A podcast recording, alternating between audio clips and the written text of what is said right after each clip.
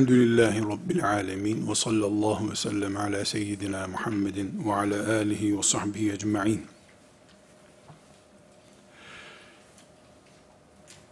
İlim kanallarımızı ilme ulaşma yollarımızı incelerken alimlerimiz diye bir başlık her seferinde karşımıza çıkıyor. Biz ilmi bütün kapsamlılığıyla yani ilim deyince anlaşılan neyse onu zikrettiğimizde, ilim dediğimizde bir tür yaşamak için zorunlu olan hava, su, ekmek gibi bir şey anlıyoruz. İlimsiz bir hayat Müslüman olduğum sürece düşünemeyeceğim için ilim benim her şeyimdir. Kur'an'ımız fa'lem ennehu la ilahe illallah diyerek kelime-i tevhidden önce ilim sahibi olmaktan söz ediyor. Zaten bilmeyen, kelime-i tevhide bilmediği için, yani bir ana formülü de bilmediği için, bilmeyenden Müslümanlık, müminlik de beklenemez. Bilgi, bizim yüzeysel olarak düşündüğümüzde, zannedebileceğimiz gibi, e, insanların filan kültürel birikimi öğrenmeleri, işte Amazon nehri mi uzun, Dicle nehri mi uzun, bu tip şeyleri öğrenmeleri değil ilim dediğimiz. O tür bilgiler ilmin içinde bir nokta, bir virgül düzeyindedir. İlimle daha büyük şeyler, varlığımız veya yokluğumuzun tartışmasını kastediyoruz ilimle. Bu nedenle şöyle bir formülle giriş yapmamız gerekiyor. İlim bizim hayatımızdır. Hem biyolojik hayatımızdır, hem Müslümanlık hayatımızdır ilim.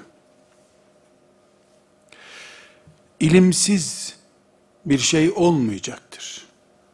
Birinci basamak.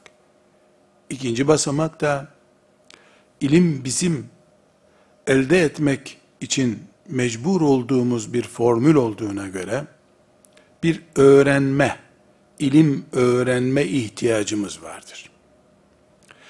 Bu öğrenme ihtiyacımızı da alim dediğimiz kişiden alacağız. Çok net bir şekilde ortaya çıkıyor ki benim hayatım ilimle mümkün. İlim öğrenmekle bana gelecek öğretici kişi de alim olacak.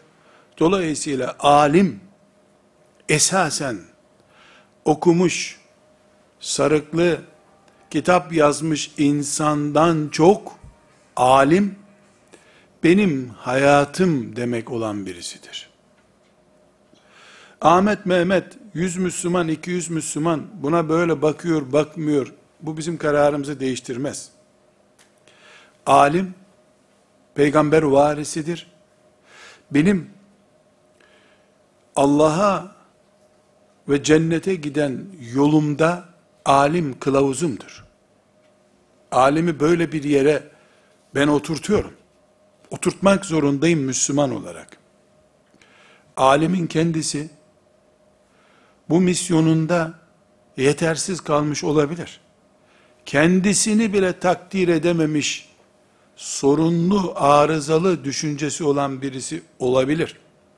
Ama ben Müslüman olarak bütün alternatifleriyle, kapsamlılığıyla ilmi hava, su gibi görüyorum. Görmek zorundayım.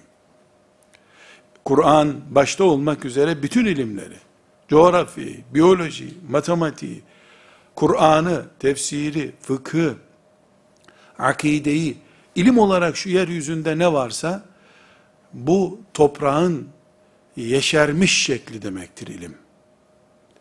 İlimsizlik de kaya gibi olmuş ve mümbit olmayan, insana hayatı için bir şey vermeyen toprak gibidir ilimsiz ortam. Ben ilmi bu şekilde gördüğüm için, ilmi elde etmek zorunda hissettiğimden kendimi, elinden ilim almaya mahkum olduğum kişiye, yani alime, bir tür mutluluğumu borçluyum ben. Cennetimi adeta borçluyum. Bana Allah'ı bulduruyor, Allah'a giden yolları gösteriyor. Hayatımın huzurlu ve bereketli olmasına vesile oluyor alim. Ortada böyle büyük bir hakikat var. Bu formülü anladıysak, ikinci basamağa geçebiliriz. Bütün bu bahsettiğimiz şeyler, benim Allah'ı bulmam, cennete ermem, hayatımı huzur ve bereket içerisinde geçirmem, hayvanlarla farklı bir noktaya çıkıp, hayvanlardan farklı bir noktaya çıkıp, insan olmanın en güzel seviyesini yakalamam. Bütün bunlar esasen kimin üzerinden var yeryüzünde? Peygamber aleyhisselam üzerinden var. Bu bahsettiğim güzellikleri bana sunan peygamberim sallallahu aleyhi ve sellem'dir. Eğer peygamberim aleyhissalatü vesselam olmasa ben Allah'ı bulamazdım. Ben cennete gidemezdim. Hayatım hayvanlardan farklı olmazdı. İnsanlık olgunluğuna, insanlık kalitesine bu sayede ulaştım ben. O zaman ben Peygamber aleyhisselamdan bulduğum bu güzellikleri bugün peygamber değil, olamayacak. Ama peygamber adına veren birinden alıyorum, alim. Onun için alim, peygamberin varisidir diyoruz. Diyor peygamber sallallahu aleyhi ve sellem zaten. Alimler, peygamberlere varistirler. Yani peygamberin mirasını kullanıyorlar. Bu nedenle alimler, bir yere oturtulacaklarsa eğer, nübüvvet makamı hariç, peygamberlik konumu hariç, peygamberlerin misyonunun üzerine oturtulacaklardır.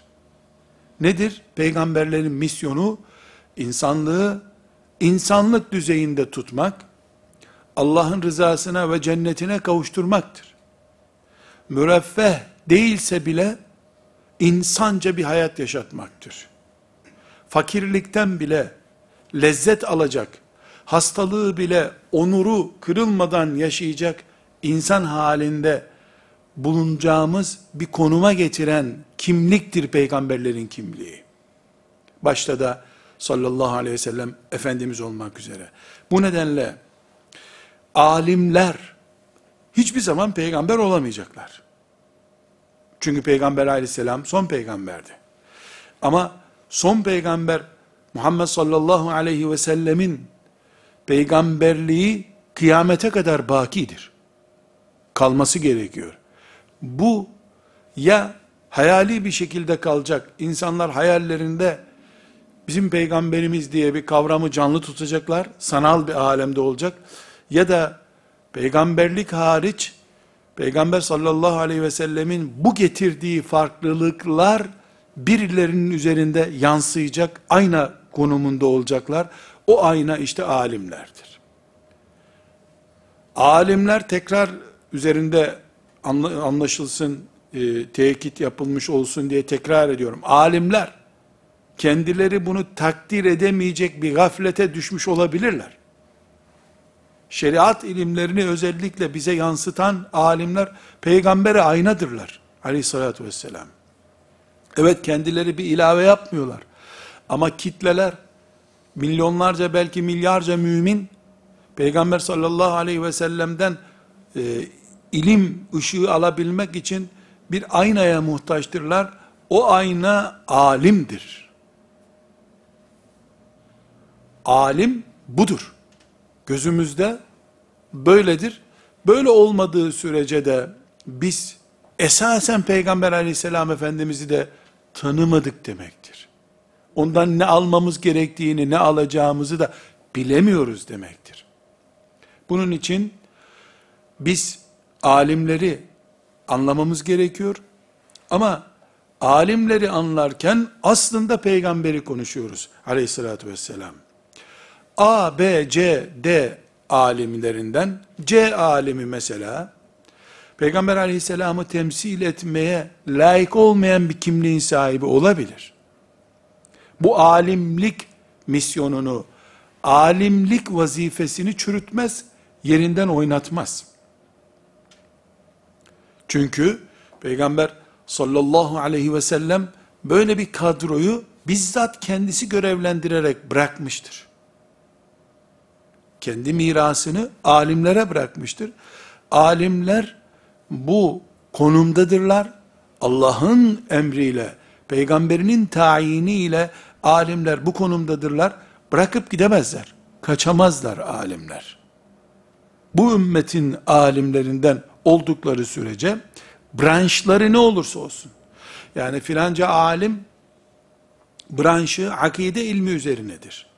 Nihayetinde peygamber sallallahu aleyhi ve sellemin mirasından bir köşeyi tutabilmektedir. Hiç kimse bu ümmetin büyük bir dirayetli alemi olup peygamber aleyhisselamda ne varsa hepsini toplayacak kapasiteye sahip değildir. Olamaz zaten böyle bir şey beklemek de doğru değil. Bir peygamber aleyhisselamın yüz e, bıraktığı miras varsa, yüzse bu miras, dördünü beşini birisi alacak, sekizini dokuzunu birisi alacak, onunu birisi alacak. Toplamından büyük bir miras ortaya çıkacak. Ümmeti Muhammed'in Ebu Hanifesi rahmetullahi aleyh olduğu gibi peygamberin tamamıdır. Nasıl diyeceksin ki? Bu sözü söylemek çılgınlıktır.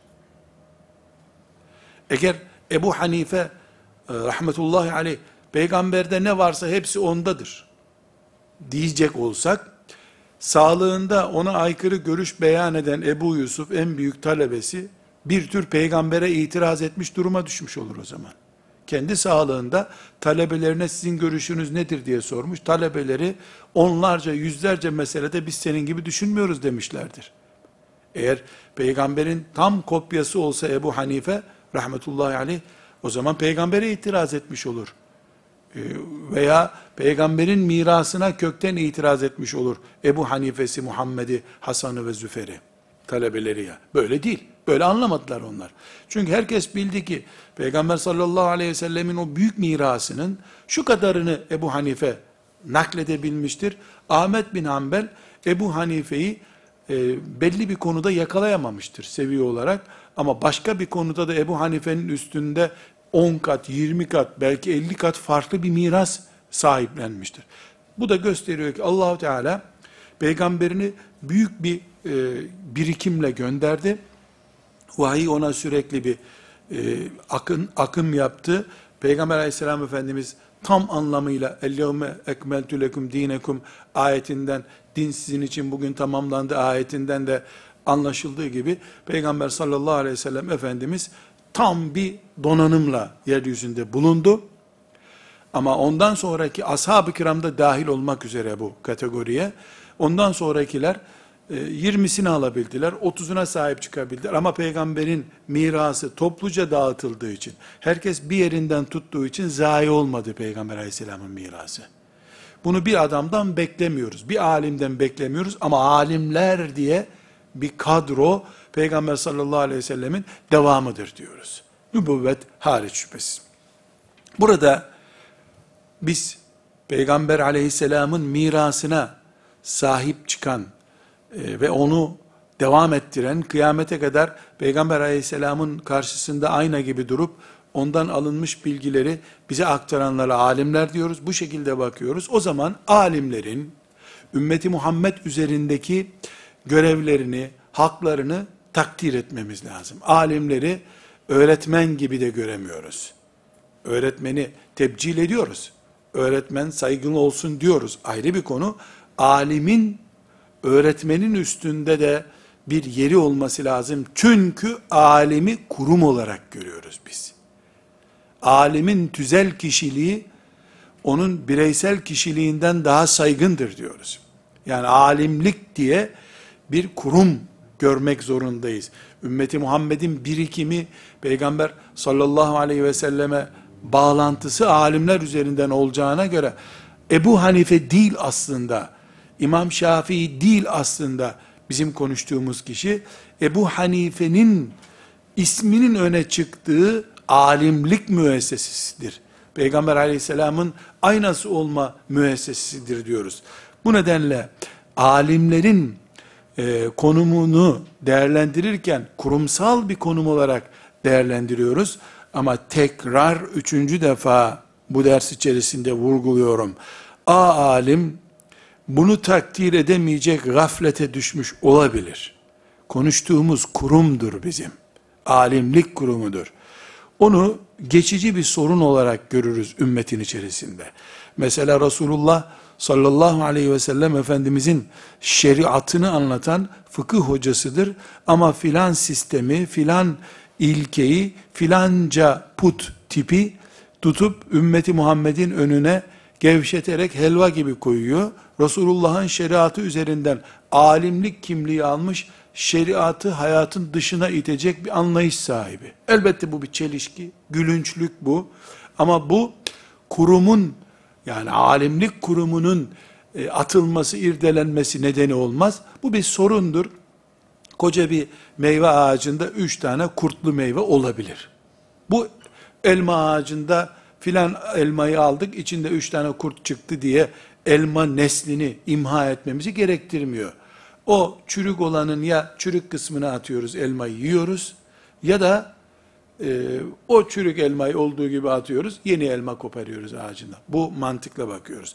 Burada bizim ümmeti Muhammed'in alimlerini tanımamız açısından ilim erbabı, alimlerin vazifeleri ya da ümmeti Muhammed'in üzerindeki görevleri nelerdir? Yani bu kurum, alimlik kurumu ne yaparsa yerine getirmiş olur. Aynalık vazifesini Peygamber sallallahu aleyhi ve sellem'den görüp bize yansıtma vazifesini yerine getirmiş olabilir. Bunu konuşacağız.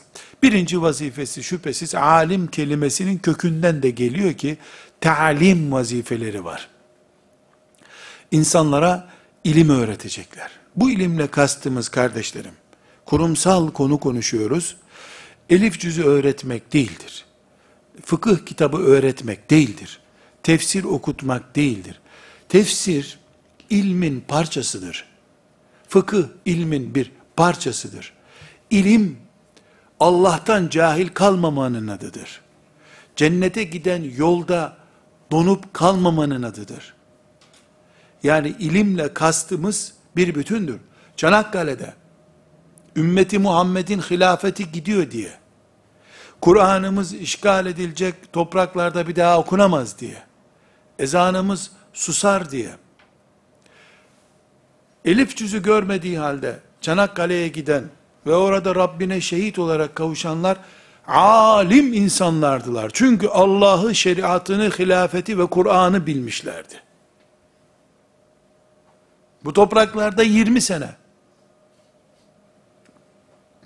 Ümmeti Muhammed'in simgesi durumundaki sarığı kullanmanın yasak olduğu, Allahu Ekber diye ezan okumanın yasak olduğu ve bunun müftülükler kanalıyla talimatla bu topraklarda yapıldığı halde, yani mevcut güya bir din kurumu var, o din kurumundan şöyle Latince ezan okuyacaksınız, Tanrı uludur diyeceksiniz diye talimatlar verildi halde.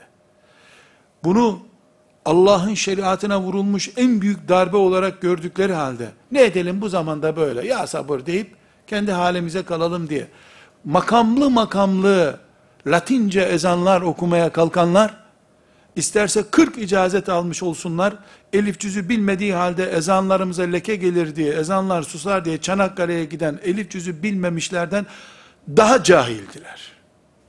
Çünkü kıyamet günü o Çanakkale'ye elif cüzü bilmediği halde gidenler Allah için şehit olarak dirilecekler. Bunlar da Allah'ın dinine darbe vurulurken alet olmuşlar olarak dirilecekler. En azından eliyle değiştiremedini, diliyle değiştiremedi. Kalbinizden buğz etseydiniz, gizli aile sohbetlerinde bari Allah belasını versin bu ezanı susturanların deseydiniz de insanlar bir şey galyana gelip bir şey yapacak olsalardı. Sen koca okumuş icazetli biri olarak ne edelim bu zamanı da böyle rastladı deyip insanların gevşekliğine tuz biber oldunuz. Denecektir onlara kıyamet günü maazallah. Bu yüzden alimin ilim öğretmesi dediğimizde talebeyi alıp İbn Abbas tefsirini oku bakalım yavrum demeyi kastetmiyoruz. Biz ilmi Allah'ı bilmek, hayatı Müslümanca yaşamak olarak anlıyoruz. Kalın kalın kitaplar okuyup da Allah'ın şeriatının sana yardımını beklediği bir zamanda, senden yardım beklediği bir zamanda ortada kalmaktansa hiç kitap okumamış ol. Allah'ın dinini adam arıyorsa buradayım ben diyen adam ol. Çanakkale'deki yiğitler gibi. Bedir'dekiler, Uhud'dakiler de hafız değillerdi. Uhud'daki 70 küsür şehidin hiçbir tanesi vallahi billahi tallahi hafız değildi. Ne hafız olacak ki Kur'an inmemiş daha. Kur'an inmemiş. Ama bugün on binlerce belki milyonca hafız, o günden beri gelen milyonlarca hafız, onların şehadetinin bereketiyle hafız oldular. Meselemiz bizim ciltler devirmek, icazetler almak değil, Allah'ı bilmek, Allah'ın şeriatı ve dinini esas alıp bir hayat yaşayabilmektir. Buna muvaffak olan kazanmıştır. Bu kadar basit. Meselemiz budur bizim. Alimlerin birinci vazifesi insanları öğretmektir diyorum. Ama anlıyorum, yokuşta konuşuyoruz şu anda. Bu öğretmek kelimesi kitap bitirmek, icazet almak değilse nedir diye anlamakta zorlanıyoruz. Ama inşallah sonunda bunu anlayacağız. Biz fakülte bitirmek, diploma almak, icazet almak değil, Allah'ı bilmektir maksadımız. Şeriatını bilmektir. Yaşıyor olduktan sonra, o şeriata adanmış bir hayat yaşıyor olduktan sonra, Rabbim derken, göğsü kabaran bir mümin olduktan sonra, kitaplar kütüphanelerin olsun. Ama filancalar, bu kitaplardan öğrendikleriyle elbette bizi irşad edecekler.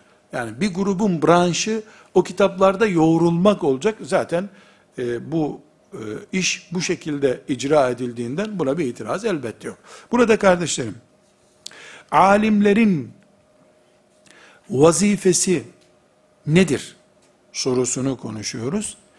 İnsanları öğretmektir birinci vazifeleri diyoruz.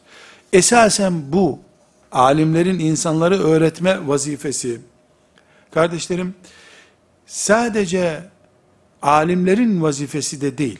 Şimdi Efendimiz sallallahu aleyhi ve sellemin uzunca bir hadisi şerifini özetçe size aktarmak istiyorum.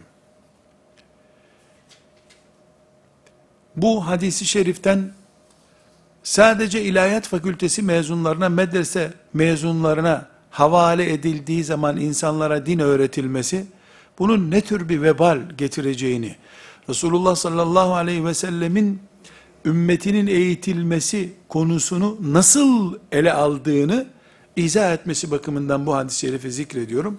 Bu hadis e, Bukhari düzeyinde sahih bir hadis-i şerif değil.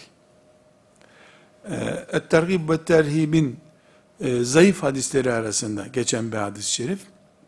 Heysemi'nin de Mecmu Zevaidinde geçiyor. Ama mevzu e, yani uydurma bir hadis değil. Bukhari düzeyinde sahih değil hadisimiz. Hasen değil. Ama Resulullah sallallahu aleyhi ve sellem Efendimizin günündeki hayat tarzını, Peygamber aleyhisselamın insan eğitme mantığını izah ediyor. Bu açıdan çok önemli bir bilgi olarak zikrediyorum. Sahabi diyor ki, Resulullah sallallahu aleyhi ve sellem Efendimiz bir gün konuşma yapıyordu. Bu e, konuşması esnasında e, bir grup sahabinin kabilesini işte filanca mahalle maşallah ne güzel Müslümanlar filanca mahalle ne güzel Müslümanlar diye mahalle mahalle övmüş bir grubu. Eş'ariyin denen bir mahalle var. O mahalleye gelince de bu övgüyü yapmamış. İsimlerini de zikretmemiş ama övmemişti onları. Şöyle örnek vereyim. İşte Kızıltepe mahallesindeki Müslümanlara maşallah. Seyrantepe mahallesindeki Müslümanlar onlar da çok güzel. Yedinci sokaktakiler de çok güzel maşallah buyurmuş. Sekizinci sokaktakilere gelince susmuş. Ashab-ı kiram tabi Peygamber övdü de bizim sokağa gelince övmedi deyince başlarından duman tütmüş. Yahu demişler bu eşariler mahalle adı. Bizi kastediyor olmasın yani bizimle ilgili bir sıkıntısın var Peygamber aleyhisselam efendimizin. Demişler ki ya Resulallah hani bir tür sitem gibi oldu. Bizi tenkit mi ettiniz? Bizi mi kastediyorsunuz siteminizde? Efendimiz sallallahu aleyhi ve sellem buyurmuş ki, bakın demiş, görüyorum, kendileri çok güzel Kur'an bildikleri halde, yanı başlarındaki cahil komşularıyla ilgilenmeyenler görüyorum içinizde. Hadisi aynen okuyorum. Ya komşularının sorumluluğunu üstlenir ve öğretirsiniz, onlar da öğrenirler. Ya da sizi acilen cezalandırırım. Tıpkı ne gibi kardeşler? Bu gözlüğümü çalanı biliyorum. Ya getirsin teslim etsin ya da cezasını vereceğim der gibi. Dönüp demişler ki ya Resulallah yani komşularımızın sorumluluğunu biz mi taşıyacağız? Ya taşırsınız, öğretirsiniz ya da acil cezalandırırım buyurmuş tekrar. Bunun üzerine o gruptaki sahabiler demişler ki ya Resulallah çok büyük bir yük bu. Bize o zaman bir yıl süre ver. Biz bu insanlara çabuk öğretemeyiz. Bir yıl izin ver bize. Tamam bir yıl içinde bu işi yapın buyurmuş.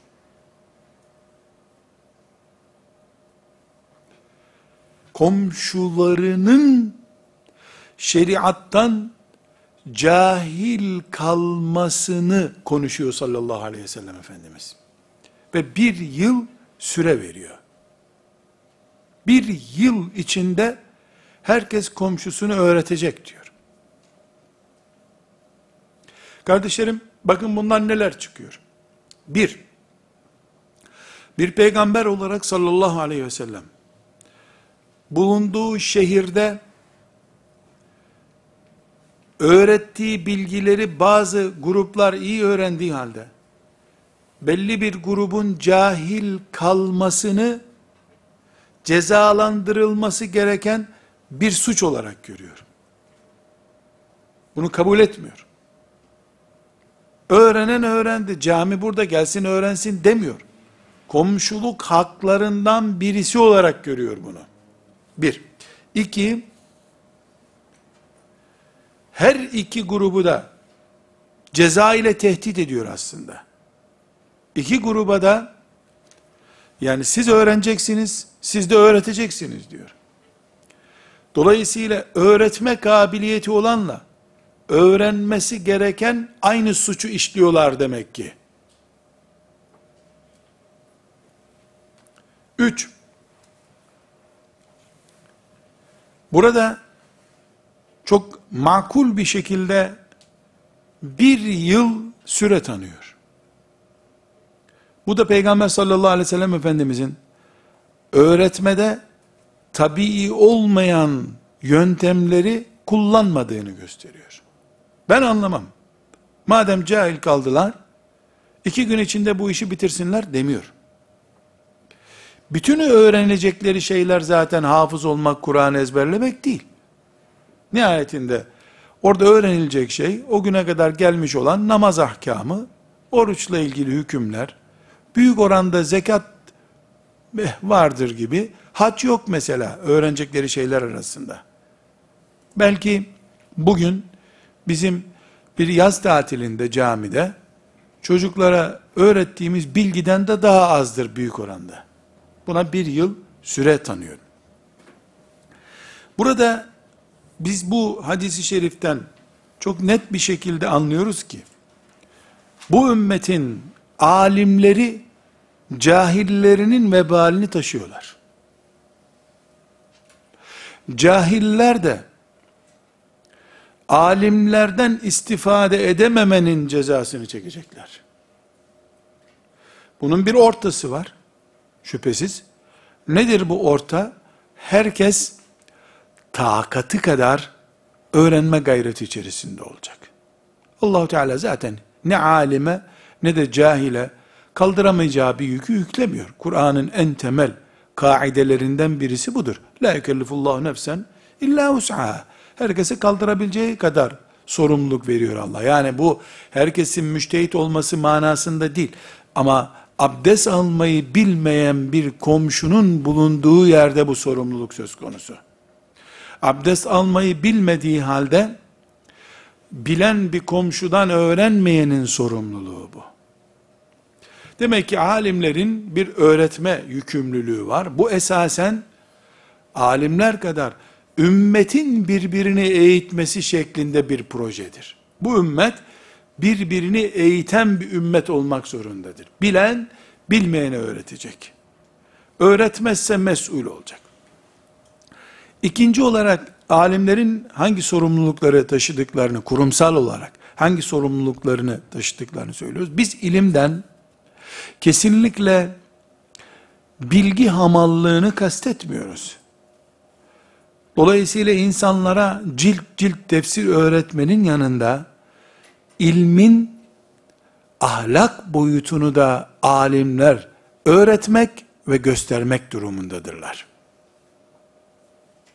İkinci görevde bu.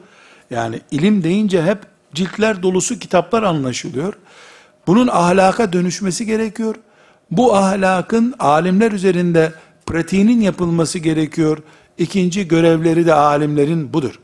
Üçüncü olarak da insan toplumudur nihayetinde alimlerin bulunduğu ümmet toplumu insandır. Hatalar kesinlikle olacak. Yanlışlar kesinlikle olacak. Melek toplumu değil ümmeti Muhammed. İnsan toplumu çizgi aşımında hataların sokağa düşmesi durumunda alimlerin uyarıcı kimliği vardır. Siyasetçiyi hata yaptığı zaman alim uyaracak. Aile faciasına alim müdahale edecek. Ümmeti Muhammed'in ticaretinde hata oluştuğunda, çeklerin ödenmediği bir zamana gelindiğinde, alimler kürsülerde ticaret ahlakını anlatacaklar. Ebeveyn hukukunun çiğnendiği bir zamanda alimler gündemine ebeveyni alacaklar. Eğer boşanmalar çoğalmaya başladıysa bir toplum içerisinde alimler ailenin çöktüğü bir zamanda 50 yılda bir defa karşılaşabileceği bir teyemmüm vakasını değil, her apartmanda boşanmak üzere olan 2-3 ailenin bulunduğu konuma dikkat edip, aile huzuru konusunu anlatacaklar.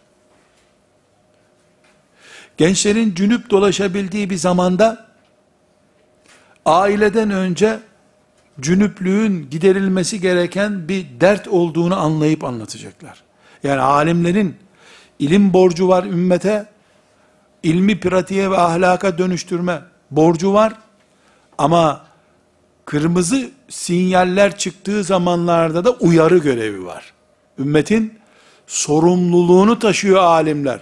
Nasıl Peygamber sallallahu aleyhi ve sellem bir hata gördüğünde nedir bu gördüğüm şeyler?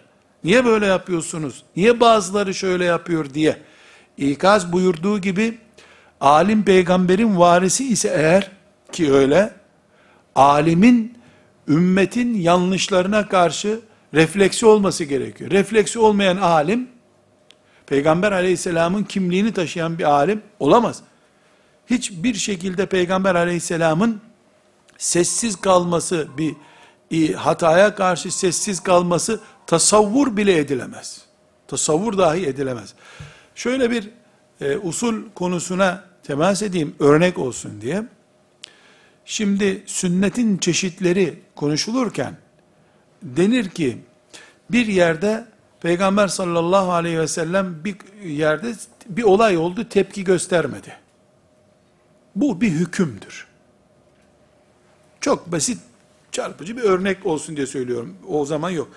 Birisi Peygamber aleyhisselamın yanında gözlük taktı. Ve gözlüğünü çıkardı. Bundan fukaha hüküm çıkarır. Der ki, bir Müslümanın bu şekilde gözlük takması dinen hiçbir sakıncası olan bir şey değildir. Yahu nereden biliyorsun bunu denemez. Niye? Peygamberin yanında böyle yapıldı, ses çıkarmadı peygamber. Çünkü Peygamber sallallahu aleyhi ve sellem ses çıkarılması gereken bir yerde susmaz. Sustuysa bu herhangi bir şekilde dinen sakıncası olmayan bir şeydir denir. Peygamberin varisi de ses çıkarılması gereken bir yerde susamaz. Eliyle tepki gösterir, diliyle tepki gösterir. Hiçbir şey yapamazsa buğzunu ispat eder. Kalbinden nefret gösterir.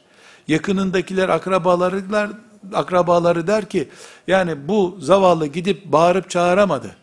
El e, kaldıramadı ama ciddi tepki gösterirdi, uyuyamazdı, sinirinden uykusu kaçardı der. Bundan da alemin en azından bir sonraki kuşakta refleks gösterdiği, tepki gösterdiği anlaşılmış olur. Alimlerin dördüncü vazifesi, insanların müstakbel projelerine yön vermektir. Eğer hayat teknolojinin filanca gelişmesine doğru kaydıysa alimler, tarih dersi, siret-i nebiyi öğretmeyi bırakıp, filanca teknolojinin hayata müdahalesine dini boyut kazandırmalıdırlar. Mesela internet diye bir hayat nimeti ortaya çıktıysa, insanlar artık neredeyse bakkala gitmeden internet üzerinden ekmeğini sipariş verecek hale geldilerse, alimlerin bir numaralı vazifesi artık internetin Müslümanca kullanılır şeklini üretmektir. Belki teknolojik olarak internet sistemi kuramayabilirler. Ama internetin Müslümanca nasıl kullanılacağını belirleyebilir alimler. Müslüman aileler, anneler, babalar, muallimler de bu alimlerin yönlendirmesiyle internet şu şekilde kullanılırsa caizdir, şu şekilde kullanılırsa mekruhtur diye bir şey öğrenmiş olurlar. Bunu yapmadığı zaman alimler Allah katında vebalden kesinlikle kurtaramazlar. Alimlerin sadece Siret-i Nebi'den Hendek Savaşı'nda Efendimizin kazmayı nasıl vurduğunu anlatması, görevini icra etmesi değildir. Ümmetin geçmişini de onlar anlatacaklar. Dinini de onlar öğretecekler. Ümmetin mevcut hayatını ve gelecek hayatını projelendirmeyi de alimler yapacaklar. Evet sosyolojiden istifade edecekler, psikolojiden istifade edecekler, siyaset biliminden istifade edecekler ama şeriat kalıbına oturtacaklar bunu. Bütün insanlar durup da alimlere ne diyorsunuz ona göre internet kullanalım demeyeceklerdir herhalde. Herhalde bunu demeyeceklerdir. Yani bir alimi takmayacaktır belki tam kaba ifadeyle alimleri takmayacaklardır. Ama alimler biz insanlara interneti nasıl kullanacaklarını göstermiştik cep telefonu adabı diye kitaplar yazmıştık diyecekler. Müslümanların masasına bunu koyacaklar. Bir kişi bile onunla ilgilenmiyorsa onlar mesul olmaz kıyamet günü. E Nuh aleyhisselam da kimseye sözünü dinletemedi. Asi olarak mı Rabbine gitti? Ama o davetini yaptı. Allah'tan korkun, putlara tapınmayın dedi. Alimler ümmeti Muhammed'in mevcut hayatını şekillendirmek zorundadırlar. Gelecek projelerini yönlendirmek zorundadırlar. Teknolojiyi mi izleyecekler? Nasıl yapacaklar? Ayrı bir şey. Siyaset ilminden istifade etsinler. E, sosyolojiden istifade etsinler. Bu alimlerin oturup tefekkür etmesi, üzerinde kafa yormaları gereken bir şey. Ve beşinci vazifesi ümmetin alimlerinin gelecek kuşaklar üzerinde proje hazırlamalarıdır.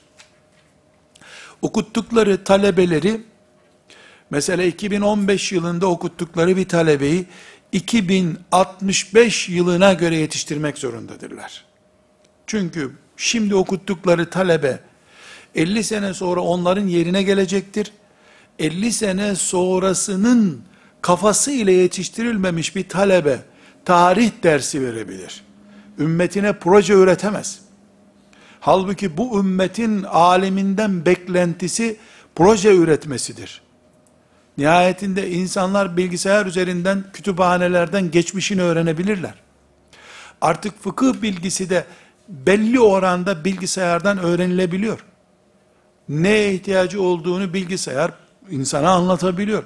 Ama bu ümmetin bilgisayardan çözülemeyecek, kütüphanelerde aranıp bulunamayacak gelecek projelerini alimden bekleme hakkı vardır. Alimin vazifesi budur. Bunu alimler beşinci görev olarak yerine oturtacaklar. Altıncı e, görev de, altıncı görevde nihayetinde bu alimler eser bırakmak zorundadırlar. Bu eser bir yenilik de olabilir. Bu eser herhangi bir şekilde bir önceki alimin eserinin üzerine ilave yapmak, şerh yapmak da olabilir. Sadece bir örnek olması bakımından arkadaşlar zikredeyim.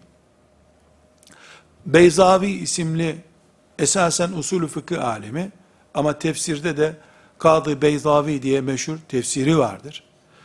Bu tefsir de önceki tefsirlerin açılımı niteliğinde dil kabiliyeti çok yüksek bir tefsirdir. Kur'an-ı Kerim'in dil yönünden anlaşılması Zemahşeri e, üzerinden ve Beyzavi üzerinden çok kolay ve bereketlidir. Güzel bir tefsirdir. Sadece Osmanlı topraklarında, Osmanlı topraklarında, Arapça tefsirden söz ediyoruz. Bunun üzerine 150'den fazla haşiye yazılmıştır. Bir tefsir bu. Bu tefsir de başka bir tefsirden esasen geliştirilmiştir. Her gelen alim onu okuturken şurası da olsa diye bir not düşmüş. Not düşmüş. O notlar sonunda Beyzavi haşiyesi diye ortaya çıkmış. İlim böyle bir şeydir.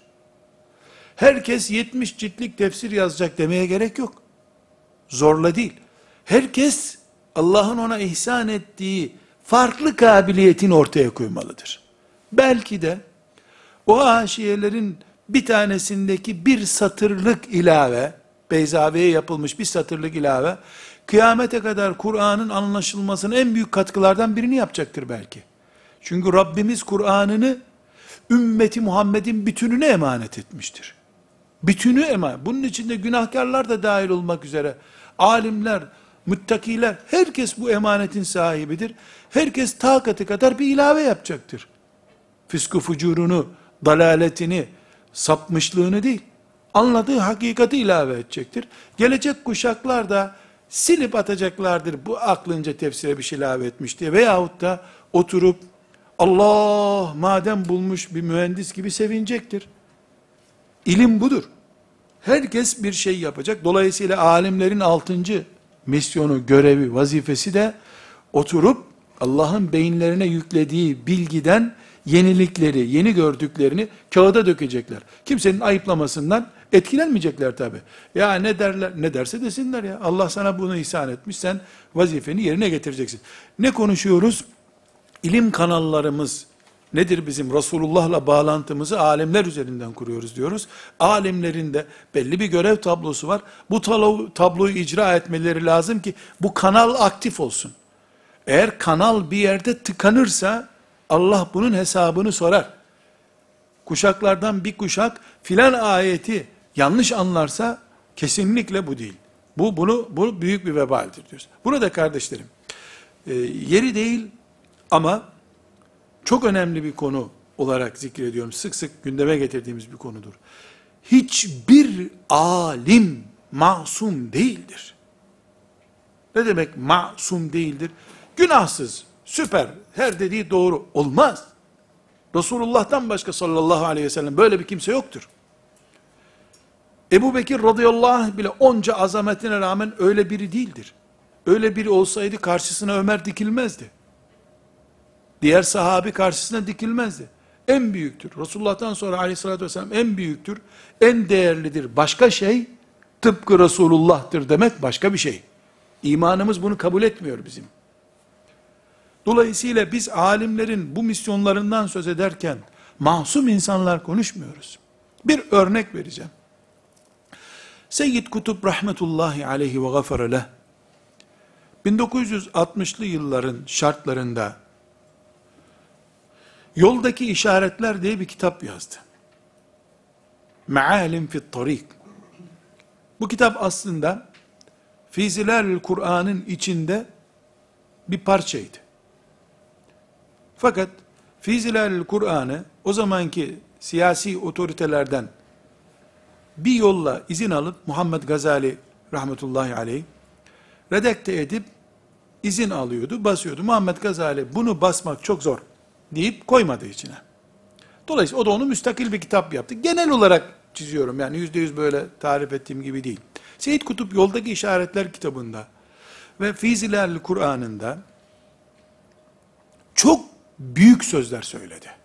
Çok yeni bir dille, çok ağır bir uslupla, yani ipe sapa gelmez, ele avuca sığmaz sözler söyledi.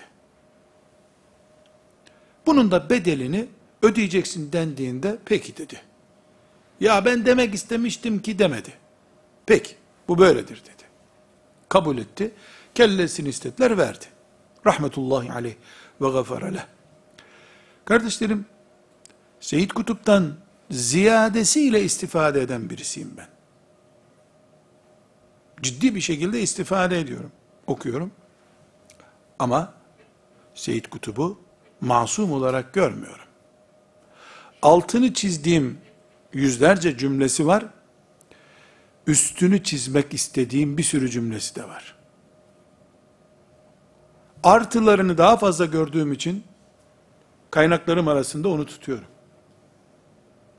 Ne dediyse Seyyid Kutup baş taş üstüne demiyorum. Ümmetimin genel karakterine ters düşen şeylerini onunla Allah arasındaki bir iş olarak bırakıyorum. Vasıflı, bana ufuk açan şeylerini alıyorum, istifade ediyorum. Herkes için geçerli bu. Elbette Seyyid Kutup'tan bu şekilde istifademde mesela yüzde kırktır istifadem. Söz konusu taberi olduğunda yüzde 98 oluyor bu. Söz konusu Kurtubi olduğunda yüzde yüzlere çıkıyor. Kurtubi'yi de tenkit eden, Taberi'yi de tenkit eden onun muadili birisini buluyorum. Ha bu doğru söylüyor diyorum. Kur'an'ın üzerinde herkesin bir emeği varsa, bu emekten de ben istifade edeceksem, en zararsız şekilde ya da en faydalı şekilde nasıl istifade ediyorsam öyle istifade ediyorum ama Taberi'nin tefsirini Kur'an görmüyorum. Kurtubi'nin tefsirini, Seyyid Kutub'un çalışmalarını Kur'an görmüyorum. Kur'an'ın gölgesinde yapılmış işler olarak görüyorum. Herhalde kendimi de bir Kurtubi muadili görüp, eh Kurtubi abi sen kenara çekil de demiyorum. Haddimi bilmezsem bunu da edepsizlik kabul ediyorum. Ama peygamber değil Kurtubi. İyi bir alim. Muhteşem bir adam. İstifade edilecek, ediyoruz. İstifade edilecek noktaları yoksa etmiyorum. Kur'an okur gibi Kurtubi okumuyorum. Bunu bir dipnot olarak kenarda tutalım kardeşler. Alimlere bakışımızda sıkıntı olmaması için. Burada kardeşlerim sallallahu aleyhi ve sellem Efendimizin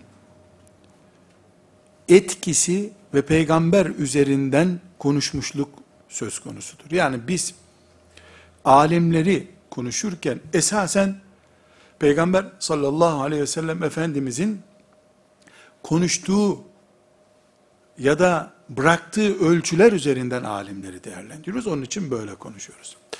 Burada alimlere biçtiğimiz bu değer bir miktar abartma mıdır acaba diye soru sorabiliriz. Çok mu abarttık alimleri? Deriz. Bunun öncesinde şu itirazı yapmamız lazım. Şimdi biz Ebu Hanifeler döneminde değiliz, Kurtubiler döneminde değiliz. Bizim zamanımızın alimlerini konuşuyoruz. Bakıyoruz ki hiç Ebu Hanife'ye benzemiyorlar. Hapse girmeye razı değil hiçbiri mesela. Ahmet bin Hanbel gibi kırk başlanmaya razı değiller. Hemen taviz veriyorlar diye tenkit ediyor gençler. Bir şey unutmamak lazım. Bu takke, bu başın takkesidir. Ahmet bin Hanbel'in dönemine Allah Ahmet bin Hanbel'i gönderdi. Ahmet bin Hanbel'in talebesi olacak Bakı İbni Mehletler de Endülüs'ten Bağdat'a yürüyerek geliyorlardı. Şimdi ise alimlerin internet üzerindeki dersini bile izlemeye vakti yok insanların. Allah tekrar Ahmet bin Hanbel'i gönderse kimin kafasına olur bu takke? Bol gelir. Alimleri tenkit etme yerine Müslümanlar kendileri daha iyisine layık mıdırlar ki Allah göndermedi diye tefekkür etmelidirler. Allah zulmetmez kullarına. Hak ettiğini verir. Bunu da bir dipnot olarak bir kenara koyduktan sonra, şimdi alimleri abartıyoruz mu sorusuna cevap veriyoruz.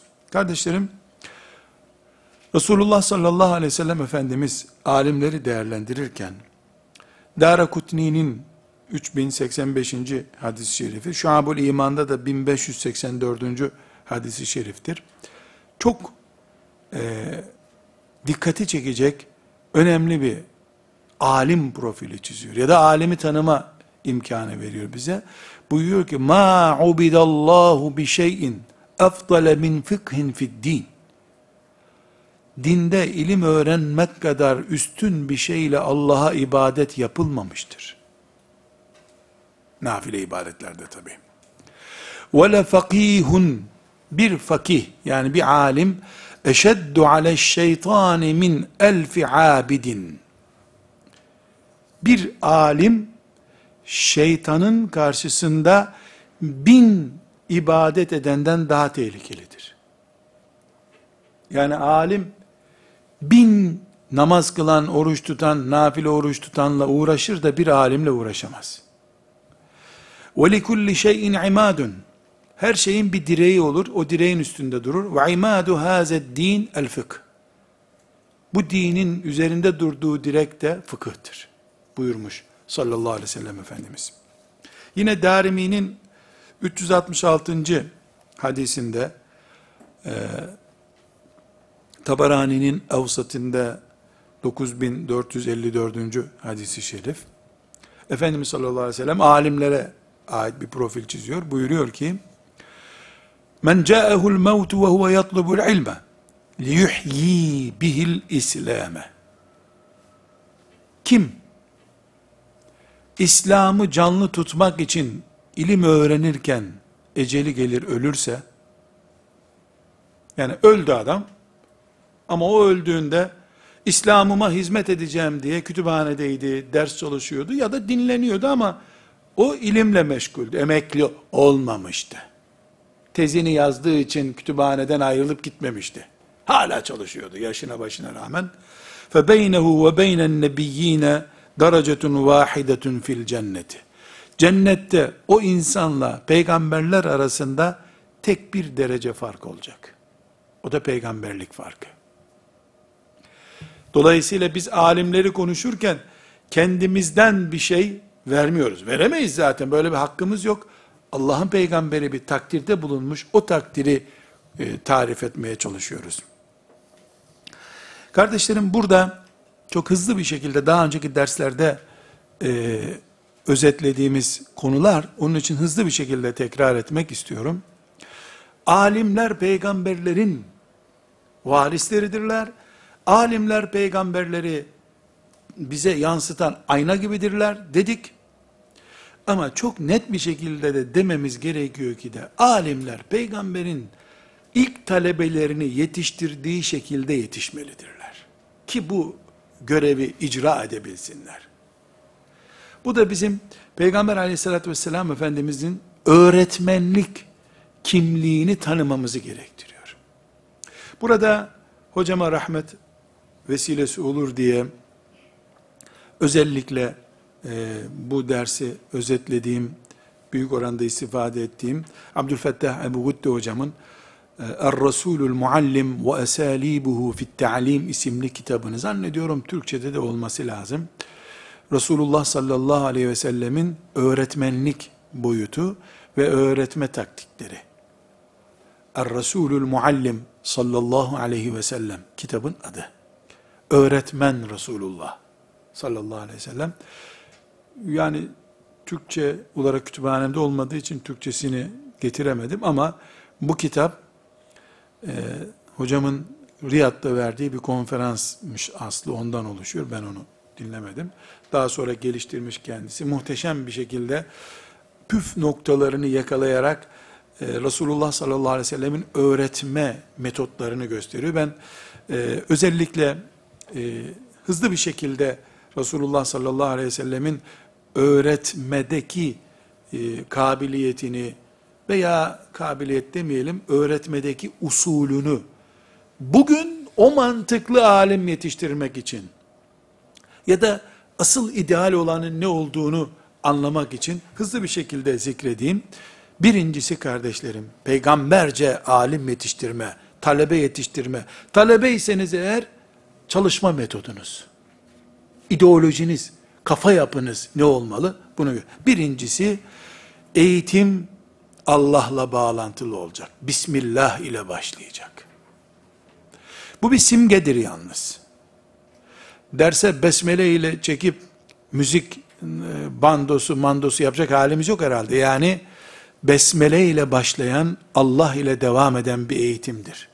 Resulullah sallallahu aleyhi ve sellemin öğretim. İkinci olarak da kardeşlerim, Resulullah sallallahu aleyhi ve sellem öğretmiş ve eğitmiş ve uygulamıştır. Öğretmek, eğitmek, uygulamak. Üç şey bir arada olacak. Öğretip dosyalarla rafa kaldırmak yok. Öğretiyorsun, eğitiyorsun, pratiğini yapıyorsun, sonra devam edip etmediğine de bakacaksın. Öğretmek, eğitmek ve uygulatmak. Bu Peygamber aleyhisselam efendimizin metodu. Ondan sonraki neslin de metodu. Ahmet bin Hanbel'de 23.482. hadistir. Ebu Abdurrahman Es-Sülemi diyor ki, ashab-ı kiram, bu tabiinden bizzat, ashab-ı kiram e, bize öğrettiklerini aynı şekilde eğitir, tatbik ederlerdi. Bize de derlerdi ki, Resulullah sallallahu aleyhi ve sellem de bize böyle yapardı. 10 ayet öğretir, 10 ayeti hazmettiğimizi, ezberlediğimizi değil, hazmettiğimizi anlayınca bir 10 ayet daha öğretirlerdi bize. Sonra da derlermiş ki ashab-ı kiram, biz ilimle ameli beraber öğrendik. İlim de amel de beraber geldi bize derlermiş. Rıdvanullahi aleyhim cemiyan. Ebu Abdurrahman Es-Sülemi'den bunu naklediyoruz. Aynı şey El Beyhaki'nin Sünen-i Kübrası'nda 520 yok 5290. E, hadisi olarak var. Benzeri bir şekilde. E, İbn Ömer e, radıyallahu anhuma bir söz naklediyor. Diyor ki bizim zamanımızda insanlara önce iman öğretilirdi, sonra Kur'an verilirdi. Bir sure inerdi peygamberimize, İbn Ömer diyor, radıyallahu anhuma. Biz onun helalini, haramını öğrenir, yapmamız gerekeni, gerekeni öğrenirik, öğrenirdik, yapardık. Ondan sonra bu Kur'an'ı öğrendik diye öbür sureye geçerdik. Bir önceki e, rivayetin bir başka çeşidi. Diyor ki İbn Ömer, şimdi insanlar görüyorum diyor. Şimdi dediği 50 sene sonra Peygamber sallallahu aleyhi ve sellem. Şimdi insanlar görüyorum. Önce Fatiha'sından sonuna kadar Kur'an'ı alıyorlar. Kur'an'ı öğreniyorlar. Hala iman yok piyasada. Helal nedir, haram nedir önemsemiyorlar ama Kur'an'ı ezberliyorlar şimdi diyor. Kardeşlerim, tüylerimizi bedenimizden koparıp atacak bir dehşet bir şeyden söz ediyor. Çocukların hafız yapılması da bunun içine giriyor mu diye merak ediyorum. Çocuk ben ve ümmetim, ben ve Kur'an'ım demiyor ama hafız. Bunu hoca efendiler düşünmeliler. Ee, bir başka üçüncü nokta, Resulullah sallallahu aleyhi ve sellem'de kolaydan zora gitmek diye bir kaide var. Kolaylaştırmak diye. Taviz yok ama kolaylaştırma var. Dördüncü olarak Resulullah sallallahu aleyhi ve sellem kim neye muhtaçsa önceliği ona vermiş. Bendeki malzeme bu dememiş. Muhtaç olduğu şeyi insanlara vermiş. Burada çok üzücü bir örnek vereceğim kardeşler. Bir gün bir konferansa gitmiştim bir yere. Konferanstan önce işte hoş geldin diyenler dediler ki hocam senden önce bir önceki konferansta birisi geldi. bizim gideceğimiz cennet Adem Aleyhisselam'ın yaratıldığı cennet midir, değil midir? Bir buçuk saat bunu anlattı. Kafalar karıştı. Herkes sana bunu soracak haberin olsun. Ona göre anlat dediler. Bu zulüm değil de nedir ya? Senin doktora tezin odur diye. Çiftçi insanlar seni dinlemez. Gittiğim yer çiftçi diyarı. Çiftçiler Adem Aleyhisselam'ın girdiği cennete mi gireceğiz? Yoksa bizim ucuz bir cennet var bizi oraya mı koyacaklar? Bunun çiftçi ne yapacak Allah aşkına ya? İman esaslarından değil, tefsirlerde böyle bir şey yok, sahih rivayetlerde böyle bir şey yok. İsrailiyattan bu tip bilgiler gelmiş, sen de onun üzerine doktora yapmışsın. Bu zulüm. İnsanlara zulüm. Resulullah sallallahu aleyhi ve selleme bakıyoruz, acil ihtiyaçına teyemmüm, teyemmümü öğretiyor. Acil ihtiyaçına zinadan kurtulmak, onu öğretiyor. Ümmetimin acil ihtiyaçları var, onu öğretmek, alimin, mesela doktora tezimi hazırlanacak, acil konular üzerinde hazırlansın doktora tezleri. Ümmetimin acil ihtiyaçları giderilsin. Ve son bir nokta, çok önemli. Resulullah sallallahu aleyhi ve sellemin eğitim metotlarını konuşuyoruz.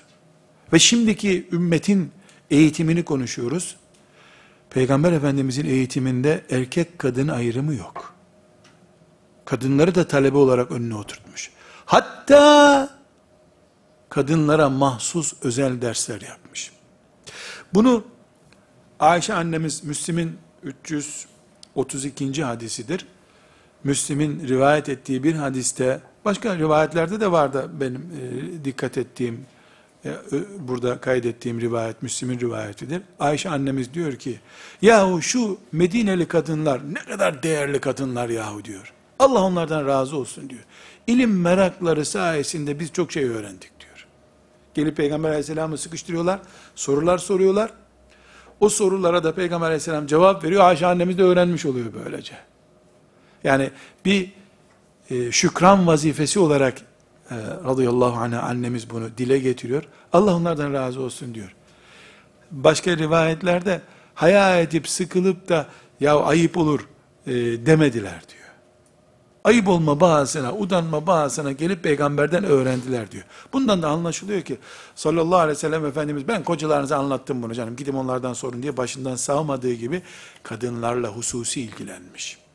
Zaten kadınla ilgilenmeyen bir kültürün, ilim idrakinin yüzde ellisi olmayan bir bedene hitap ettiğini görüyoruz. Yüzde ellisi yok bedenin. Sallallahu aleyhi ve sellem ala seyyidina Muhammedin ve ala alihi ve sahbihi ecma'in velhamdülillahi rabbil alemin. قل إن كنتم تحبون الله فاتبعوني